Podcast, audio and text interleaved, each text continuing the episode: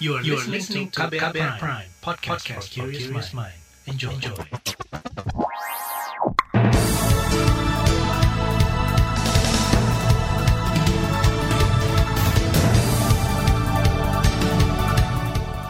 Selamat pagi saudara, senang sekali kami bisa menjumpai Anda kembali melalui program Buletin Pagi KBR edisi Rabu 9 Juni 2021 bersama saya Ardi Rosyadi. Sejumlah informasi pilihan telah kami siapkan di antaranya daerah di sekitaran Bangkalan dan Kudus mendapat limpahan pasien COVID-19. Pasal penghinaan Presiden dan Wakil Presiden di RKUHP bungkam kebebasan sipil, BMKG sebut tsunami 29 meter berpotensi muncul di pesisir selatan Jawa Timur. Terbaru di Buletin Pagi. Informasi pertama kami sampaikan lonjakan kasus COVID-19 di Bangkalan, Jawa Timur tidak saja membuat kewalahan pemerintah kabupaten setempat, tetapi juga menjadikan daerah-daerah di sekitar Bangkalan seperti Kabupaten Sampang dan Kota Surabaya menjadi ikut terdampak. Di Sampang misalnya, penyekatan dilakukan di setiap pintu masuk di wilayah. Penyekatan dilakukan lengkap dengan tes acak antigen COVID-19 terhadap para pengemudi kendaraan bermotor, khususnya yang berasal dari Bangkalan. Pemkap Sampang tidak ingin 180 desa di wilayahnya mengalami lonjakan kasus virus corona. Sedangkan pemerintah kota Surabaya menyekat warga yang berasal dari Bangkalan sejak di ruas jembatan Suramadu. Hari ini merupakan hari kelima penyekatan dilakukan, lengkap dengan tes acak antigen. Sementara itu, Bupati Bangkalan Abdul Latif Amin Imron menjelaskan, sejak kemarin telah ditambah 50 ruang rawat baru di RSUD Sam Rabu Bangkalan, sehingga total jumlah ruang rawat pasien COVID-19 menjadi 150 unit. Peningkatan kasus positif dalam 10 hari terakhir yang kami rilis total 66 orang. Kasus aktif 79 orang, 42 isolasi mandiri, dan 37 dirawat di RSUD Kabupaten Bangkalan. Ada uh, jumlah nakes positif yaitu 28 orang. 28 orang ini ada nakes dari Kecamatan Arosbaya 13 orang, lalu nakes di Kecamatan Bangkalan 12 orang, dan nakes Kecamatan Kelampis 3 orang. Bupati Bangkalan Abdul Latif Amin Imron menjelaskan untuk pasien COVID-19 tanpa gejala atau gejala ringan dirawat di Balai Diklat. Selain itu, testing dan tracing atau pengetesan dan penelusuran kontak pasien COVID-19 juga terus ditingkatkan. Kepolisian bersama Satgas COVID-19 di Jawa Timur melakukan penyekatan mobilitas masyarakat di Jembatan Suramadu. Kapolres Pelabuhan Tanjung Perak Ganis Tianingrum mengatakan penyekatan dilakukan seiring melonjaknya kasus COVID-19 di Bangkalan bukan mencegah mobilitas ya. Artinya di sini adalah untuk memastikan bahwa masyarakat semuanya tetap sehat. Cuma di sini juga memberikan edukasi kepada masyarakat jika memang masyarakat tidak ada kepentingan yang sangat mendesak untuk tetap di rumah saja dan bagi mereka yang bekerja karena di Surab di Madura kan banyak yang bekerja di Surabaya ataupun di Gresik, kemudian Mojokerto, Sidoarjo seperti itu kan Mas yang melintas kota Surabaya memastikan bahwa dirinya itu memang sudah aman, tidak menular dan tidak tertular. Artinya semua akhirnya jadi sehat. Kita berusaha untuk memutus mata rantai penyebaran COVID-19 ini. Kapolres Pelabuhan Tanjung Perak Ganis Tianingrum menambahkan hingga pengetesan hari keempat kemarin sudah ada lebih 7.000 orang yang dites antigen. Hasilnya 120 orang dinyatakan reaksi reaktif virus corona. Sementara itu dari tes PCR didapatkan hasil positif 53 orang. Perhimpunan Rumah Sakit Seluruh Indonesia atau PERSI mulai kewalahan menghadapi lonjakan kasus COVID-19 di sejumlah daerah termasuk di Kudus, Jawa Tengah dan Bangkalan, Jawa Timur. Sekjen PERSI, Lia G. Partakusuma mengatakan dua daerah tersebut sudah tidak sanggup merawat pasien COVID-19 baru sehingga dirujuk ke rumah sakit di daerah-daerah sekitarnya sudah banyak yang tidak sanggup merawat pasien COVID sehingga harus dilakukan uh, rujukan, harus dikirim ke rumah sakit lain lebih besar. Seperti di Bangkalan, mereka kirimlah ke Surabaya misalnya, atau di, dari Kudus mereka kirimlah ke Semarang. Nah itu yang sekarang ini sedang dilakukan, tapi tentu itu harus didorong juga sama bantuan Satgas sama pemerintah provinsi karena tidak semua pasien itu mau dirawat dirujuk pindah kota kan atau pindah tempat. Sekjen Persil Yagi Partakusuma menambahkan tingkat keterisian tempat tidur atau BOR di rumah sakit rujukan COVID-19 di Jawa Tengah dan Jawa Timur baru sekitar baru berkisar 70 persen. Tapi kalau dilihat data BOR rumah sakit per kabupaten dan kota, maka jumlah BOR di sejumlah daerah malah sudah terisi pasien COVID-19 hingga 100 persen. Sementara itu, epidemiolog dari Universitas Airlangga Surabaya, Laura Nafika Yamani menyarankan dilakukan penguncian wilayah atau lockdown secara mikro di Bangkalan, apalagi lonjakan kasus COVID-19 dan tingginya angka kematian masih terjadi di Bangkalan kalau mau melakukan karantina wilayah ya, terutama pada daerah Bangkalan. Tapi kalau lebih spesifik lagi, misalkan kan tidak semua desa ya yang ada di Bangkalan mengalami pelonjakan kasus ya seperti yang dilakukan di beberapa daerah itu kan sebetulnya sudah apa istilahnya sudah diaplikasikan ya terkait dengan mikro lockdown. Epidemiolog asal Surabaya Laura Nafika Yamani juga mengutip informasi dari koleganya di Institut Penyakit Tropis Universitas Airlangga. Informasi itu menyebutkan varian baru COVID-19 sudah ditemukan di Bangkalan, tepatnya varian B117 atau Alpha asal Inggris. Data Satgas Penanganan COVID-19 kemarin mencatat penambahan 6.200-an kasus baru COVID-19 se-Indonesia, sehingga total kasus positif saat ini lebih dari 1,8 juta kasus. Provinsi Jawa Tengah mencatat penambahan kasus terbanyak dengan 1.400-an kasus, disusul Jawa Barat dengan 1.000-an kasus, dan DKI Jakarta dengan 700-an kasus baru. Informasi tentang pasal penghinaan presiden dan wakil presiden di RKUHP dinilai membungkam kebebasan sipil akan hadir usai jeda. Tetaplah di Buletin Pagi KBR. You're listening to KBR Pride, podcast for curious mind. Enjoy!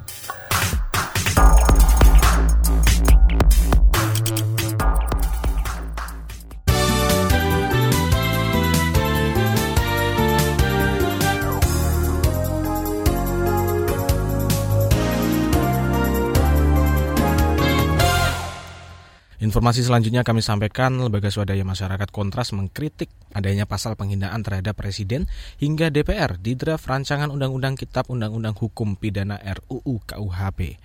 Wakil Koordinator Kontras Rifanli Anandar menilai adanya pasal penghinaan terhadap penguasa dan lembaga negara menunjukkan upaya pembungkaman publik.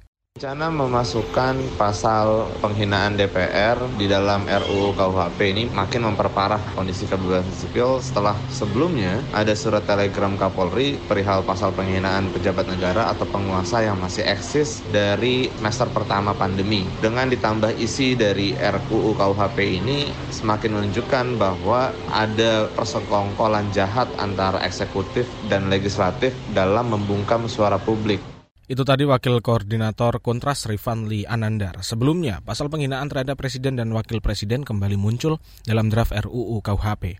Ancaman bagi yang melanggar bisa dipenjara selama tiga setengah tahun, sedangkan pasal penghinaan terhadap lembaga negara seperti DPR, ancaman hukumannya dua tahun penjara. Sementara itu, Wakil Presiden Ma'ruf Amin mengatakan warga negara Indonesia tidak boleh dipertentangkan antara memilih Pancasila atau Al-Quran. Menurut Ma'ruf, Pancasila sebagai dasar negara tidak bertentangan dengan Islam. Ma'ruf menilai kelima sila dalam Pancasila sudah sesuai dengan ajaran Islam. Sila pertama, ketuhanan yang Maha Esa, bahkan secara eksplisit menunjukkan bahwa negara Indonesia adalah negara yang beragama dan menghormati keberagaman. Oleh karena itu kita tidak boleh mempertentangkan Pancasila dan agama atau memilih perintah memilih Pancasila atau Al-Quran. Itu tadi Wakil Presiden Maruf Amin diketahui munculnya pertanyaan memilih Pancasila atau Al-Quran diduga muncul dalam tes wawasan kebangsaan TWK alih status pegawai Komisi Pemberantasan Korupsi menjadi aparatur sipil negara atau ASN. Pertanyaan seperti itu langsung menjadi sorotan publik. Menyikapi persoalan ini, pimpinan Komnas HAM dalam hal ini Komisi Pemberantasan Korupsi KPK tidak memenuhi panggilan Komnas HAM terkait pelaksanaan tes wawasan kebangsaan TWK yang diadukan 75 pegawainya hari ini. Juru bicara KPK Ali Fikri mengatakan pimpinan KPK telah berkirim surat kepada Komnas HAM untuk meminta penjelasan mengenai hak asasi apa yang dilanggar pada pelaksanaan alih status pegawai anti rasuah itu. Ali menuturkan proses alih status pegawai KPK menjadi pegawai ASN merupakan perintah undang-undang dan KPK mengklaim melaksanakan perintah tersebut. Selain itu, pimpinan KPK mengklaim pelaksanaan TWK sesuai dengan peraturan perundang-undangan yang berlaku dalam aduan 75 pegawai KPK yang tidak tidak lolos TWK ke Komnas HAM, setidaknya ada lima pelanggaran HAM dalam pelaksanaan TWK tersebut. Di antaranya seperti pemberlakuan tidak adil dalam hubungan kerja, pelanggaran serikat berkumpul, hingga diskriminasi terhadap perempuan. Sementara itu masyarakat anti korupsi atau MAKI mengkritik sikap pimpinan Komisi Pemberantasan Korupsi KPK yang menolak memenuhi panggilan Komnas HAM. Koordinator Maki Boyamin Saiman menilai sikap menolak panggilan dari pimpinan KPK menunjukkan arogansi dan penghinaan terhadap sistem ketenaga ketatanegaraan Indonesia. Kita beralih ke berita ekonomi. Badan Pengelola Keuangan Haji BPKH menyebut dana calon jamaah haji yang gagal berangkat pada tahun ini dan tahun lalu dapat ditarik. Tapi di dalamnya terdapat konsekuensi yang harus ditanggung calon jamaah. Kepala BPKH Anggito Abimanyu mengatakan pembatalan haji disertai penarikan dana akan menyebabkan antrian pemberangkatan kembali mulai dari awal. Ya, uh, prinsipnya kami akan mengembalikan Pak ya uh, permintaan untuk pembatalan dan pencairan gitu ya. Itu prinsipnya karena ini uangnya uang jamaah, jadi kita harus layani masyarakat yang membutuhkan dana. Uh, tapi kalau ditarik tentu akan mengakibatkan kehilangan antrean, Pak ya. Berarti harus menunggu lagi proses awal lagi. Jadi memang ada konsekuensinya dan juga sekali lagi uh, dana yang mengendap tersebut itu ada nilai manfaatnya, Pak. Kepala BPKH Anggot Anggito Abimanyu mengungkapkan ada sejumlah jemaah yang memutuskan menarik dana haji mereka, akibatnya terjadi tumpukan penarikan dana. Anggito merinci jumlah jemaah haji reguler yang sudah melunasi biaya pemberangkatan haji sebanyak 190 ribuan jemaah. Sedangkan yang membatalkan atau menarik dananya, dananya mencapai 600 jemaah. Anggito memastikan dana haji dikelola dengan aman, selain ditempatkan di sejumlah bank syariah, hingga akhir Mei kemarin jumlah total dana haji yang tersimpan sebesar sebesar 150 triliun rupiah. Kita ke informasi mancanegara. Kepolisian Malaysia mulai mengoperasikan pesawat nirawak atau drone untuk memantau suhu tubuh warga dari ketinggian 20 meter. Cara itu sebagai upaya pencegahan penyebaran COVID-19 dan kantor berita bernama melaporkan drone itu akan mengirimkan sinyal berwarna merah kepada kepolisian jika mendeteksi orang dengan suhu tubuh tinggi. Kepolisian Malaysia memang sudah lama mewacanakan penggunaan drone di tengah masa pengetatan aturan dalam aturan jaga jarak terbaru di Malaysia hanya dua orang di tiap rumah yang diperbolehkan pergi keluar untuk berbelanja kebutuhan pokok. Malaysia memperketat aturan tersebut karena lonjakan kasus COVID-19 dalam sebulan belakangan, terutama pasca Idul Fitri. Selama beberapa bulan ke belakang, Malaysia melaporkan kasus harian rata-rata mencapai 6.000 kasus per hari. Kita beralih ke informasi olahraga. Komite Olimpiade Indonesia atau KOI berharap pelaksanaan SEA Games tahun ini di Vietnam berlangsung tepat waktu. Belakangan isu pengunduran SEA Games muncul karena pandemi COVID-19 masih belum teratasi. Tapi Presiden KOI Raja Sabta Oktohari menegaskan tidak ingin pesta olahraga dua tahunan Asia Tenggara itu ditunda dari jadwal semula, yakni 21 November hingga 2 Desember mendatang. Raja beralasan persiapan matang SEA Games masih dilakukan hingga lima bulan lagi oleh Vietnam. Selain itu, bila SEA Games ke-31 ini ditunda, maka bakal terjadi benturan agenda pesta olahraga di tahun depan. Misalnya ASEAN Indoor and Martial Arts di Thailand serta Asian Games di China. Saudara, di bagian berikutnya kita akan simak laporan khas berita KBR. Kali ini mengangkat tema mencermati kesiapan sekolah melaksanakan pembelajaran tatap muka terbatas. Tetaplah di Buletin Pagi KBR. You're listening to KBR Pride, podcast for curious mind. Enjoy!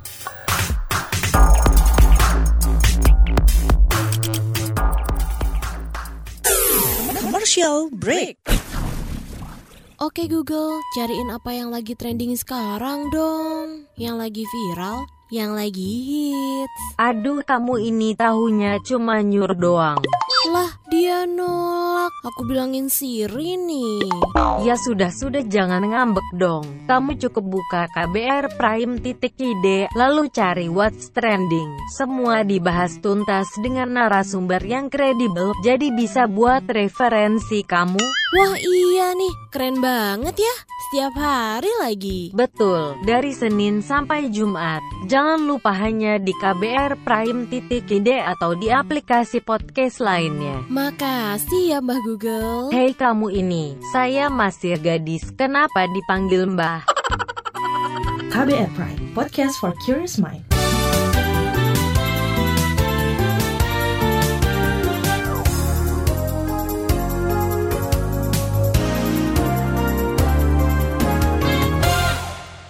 Terima kasih Anda masih bersama kami di Buletin Pagi KBR. Saudara sebanyak 83 sekolah di DKI Jakarta hari ini mulai melaksanakan uji coba pembelajaran tatap muka PTM terbatas. Sesuai aturan pelaksanaan PTM harus dilakukan dengan menerapkan protokol kesehatan yang ketat antara lain hanya mengisi maksimal 25 persen siswa dari kapasitas kelas. Bagaimana kesiapan sekolah dalam memenuhi syarat melaksanakan PTM terbatas itu? Berikut laporan khas KBR yang disusun Yovinka Ayu. Menjelang rencana diberlakukannya pembelajaran tatap muka pada tahun ajaran baru Juli mendatang, Presiden Joko Widodo punya perintah tegas. Hanya dua hari dalam seminggu dan tiap pertemuan hanya dua jam. Perintah Jokowi itu disampaikan dalam rapat terbatas di Istana Negara awal pekan ini, sebagaimana disampaikan Menteri Kesehatan Budi Gunadi Sadikin. Tatap mukanya dilakukan tatap muka terbatas terbatasnya itu apa? Pertama, hanya boleh maksimal 25% dari murid yang hadir. Tidak boleh lebih dari dua hari seminggu. Jadi seminggu hanya dua hari boleh melakukan maksimal tatap muka. Kemudian setiap hari maksimal hanya dua jam. Menteri Kesehatan Budi Gunadi Sadikin mengatakan Presiden Jokowi juga menekankan agar opsi menghadirkan anak sekolah tetap ditentukan dan diputuskan oleh orang tua. Dalam pertemuan tersebut, Presiden Jokowi juga meminta seluruh tenaga pengajar dipastikan sudah mendapat vaksinasi sebelum pembelajaran tatap muka dilaksanakan. Pemerintah pusat mengimbau kepala daerah agar memprioritaskan vaksinasi COVID-19 kepada para guru di daerahnya. Di Jakarta, uji coba pembelajaran tatap muka rencananya dilaksanakan pekan ini. Wakil Gubernur DKI Jakarta Ahmad Riza Patria mengatakan pembelajaran tatap muka diadakan terbatas dengan kapasitas 25 persen. Kapasitas ini lebih kecil dibandingkan saat uji coba tahap 1 pada April lalu yang saat itu mencapai 50 persen. Lebih mudah, kalau lebih kecil Pak Jokowi malah lebih mudah, ya. lebih terjaga, malah lebih baik lagi kalau lebih kecil. Hmm. Apalagi ya saran Pak Presiden cuma dua hari seminggu, ya lebih baik lagi. Tentu semua ini menjadi perhatian kita bersama. Prinsipnya uh, kita memastikan bahwa pendidikan bagi anak-anak kita sesuatu yang penting. Kita sekarang berjuang memastikan kesehatan, memastikan pertumbuhan ekonomi, dan yang tidak kalah penting memastikan pendidikan bagi anak-anak kita. Sejumlah sekolah di Jakarta mengklaim siap menyelenggarakan pembelajaran tatap muka, baik sekolah negeri maupun swasta. Salah satunya di SMK Swasta Budi Warman II Jakarta. Kepala Sekolah SMK Budi Warman II, Munjaini mengatakan, pengelola sekolah sudah menerapkan protokol kesehatan COVID-19. Mulai dari masuk itu masuk masa awal, uh, mereka harus cuci tangan, pakai kan terus kita cek suhunya, baru nanti kalau seandainya anak tersebut tuh lewat dari 37, sekian tuh baru kita uh, arahkan ke tempat yang sudah disediakan untuk evakuasi nanti. Tapi selama ini memang nggak ada hanya paling 36 sampai 37, 36 sampai 37 itu protokol kesehatan. Kita semuanya di dari depan, depan gerbang itu uh, untuk cuci tangan sudah ada Pak cuci tangan. Demikian juga nanti mau masuk ke kelas ada juga setiap depan kelas depan kelas itu kita taruh untuk cuci tangan, sabun sama tisunya Pak semuanya. Ia menambahkan hampir seluruh guru di SMK Budi Warman II Jakarta juga sudah mendapat vaksinasi COVID-19 sejak akhir Maret lalu. Sementara Perhimpunan Pendidikan dan Guru P2G meminta pemerintah menunda pembelajaran tatap muka serentak yang rencananya digelar pada Juli mendatang. Koordinator Nasional P2G Satriwan Salib berpendapat vaksinasi COVID-19 bagi guru dan tenaga pendidik belum mencapai target sepenuhnya, bahkan masih berjalan lambat.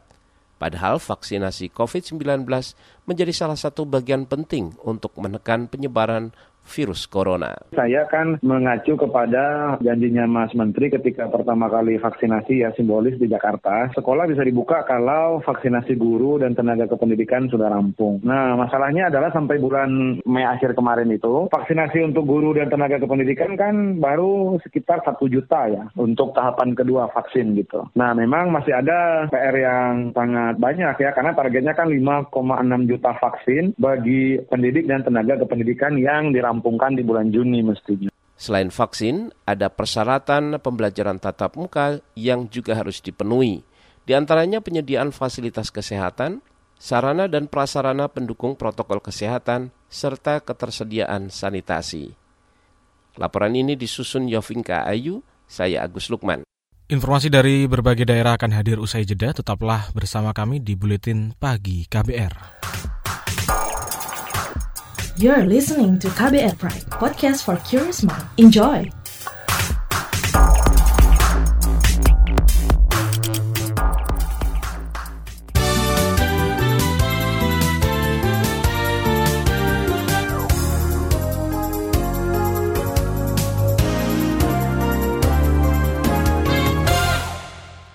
Terima kasih Anda masih bersama kami dalam Buletin Pagi KBR dan inilah bagian akhir Buletin Pagi KBR. Badan Meteorologi, Klimatologi, dan Geofisika BMKG menyebut peringatan potensi tsunami 29 meter di pesisir Jawa Timur bukan untuk menakut-nakuti warga. Tapi menurut Kepala Bidang Mitigasi Gempa Bumi dan Tsunami BMKG Daryono mengingatkan itu dilakukan agar warga waspada dengan skenario terburuk dalam upaya mitigasi. Misalnya membangun tata ruang pantai aman berbasis risiko, rambu-rambu, jalur evakuasi hingga tempat evakuasi. Lebih lanjut ia menyatakan gempa bumi di atas magnitudo magnitudo 7 dan tsunami hingga 29 meter di pesisir selatan Jawa Timur itu hanya merupakan sebuah potensi. Daryono menuturkan potensi berbeda dengan prediksi kalau potensi tidak dapat menentukan secara pasti waktu kejadian peristiwa itu, sedangkan prediksi analisis terhadap bahaya yang waktunya bisa ditentukan. Empat mahasiswa serta peserta unjuk rasa menolak Omnibus Law Undang-Undang Cipta Kerja di Semarang, Jawa Tengah difonis hukuman percobaan tiga bulan. Dalam amar putusan, Majelis Hakim menyatakan keempat mahasiswa dinyatakan bersalah karena mengabaikan perintah aparat kepolisian saat aksi unjuk rasa menolak Omnibus Law Cipta Kerja saat pandemi COVID-19. Kuasa hukum empat mahasiswa dari Perhimpunan Bantuan Hukum Indonesia PBHI Jawa Tengah, Kahar Muamal Syah, menyatakan menerima putusan vonis hakim putusannya itu tiga bulan dengan masa percobaan enam bulan. Mm -hmm. Jadi kan artinya mereka tidak perlu menjalankan yang tiga bulan kalau selama enam bulan tidak melakukan tindak pidana kan bahwa pertimbangannya yang memang menurut kami itu tidak pas ya seperti halnya kayak eh, bahwa ketika mereka itu masuk ke proses penyidikan itu kan dapat mendapatkan kekerasan tapi itu tidak dapatkan atau tidak ada dalam pertimbangan. Diketahui pada Oktober tahun lalu, ratusan demonstran ditangkap polisi saat aksi unjuk rasa menolak Omnibus Law Cipta Kerja di depan gedung DPR di Jawa Tengah. Dari ratusan demonstran yang ditangkap, empat di antaranya menjadi tahanan kota karena dianggap sebagai provokator. Informasi lainnya, Menkominfo Johnny G. Plet memastikan telekomunikasi di Papua tidak akan terganggu saat perhelatan Pekan Olahraga Nasional atau PON di Papua Oktober nanti. Menkominfo menargetkan pemulihan operasi akibat putus jaringan kabel laut ruas Biak Jayapura akan selesai pada bulan ini. Joni mengklaim sudah mendata total kapasitas yang terdampak akibat putusnya jaringan kabel laut tersebut, yaitu sepertiga dari seluruh total trafik normal di Papua yang mencapai 464 GB per second atau GBps. Dengan demikian, ya kami berharap bahwa bulan Juni ini pemulihan keseluruhan kabel lautnya itu selesai kita bisa mengetahui langsung nanti penyebabnya apa. Ya. Dan yang kedua, penyelenggaraan PON ya, dukungan telekomunikasi pada saat penyelenggaraan PON tetap dapat dilakukan dengan baik. Menkominfo menambahkan area yang terdampak gangguan tersebut berada di empat titik yakni di wilayah Jayapura, Abepura, Sentani, dan Sarmi.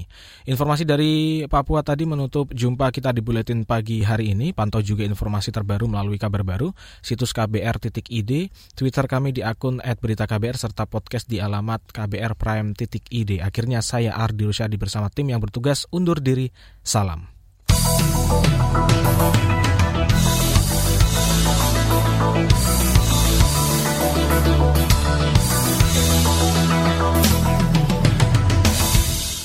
KBR Prime, cara asik mendengar berita. KBR Prime, podcast for curious mind.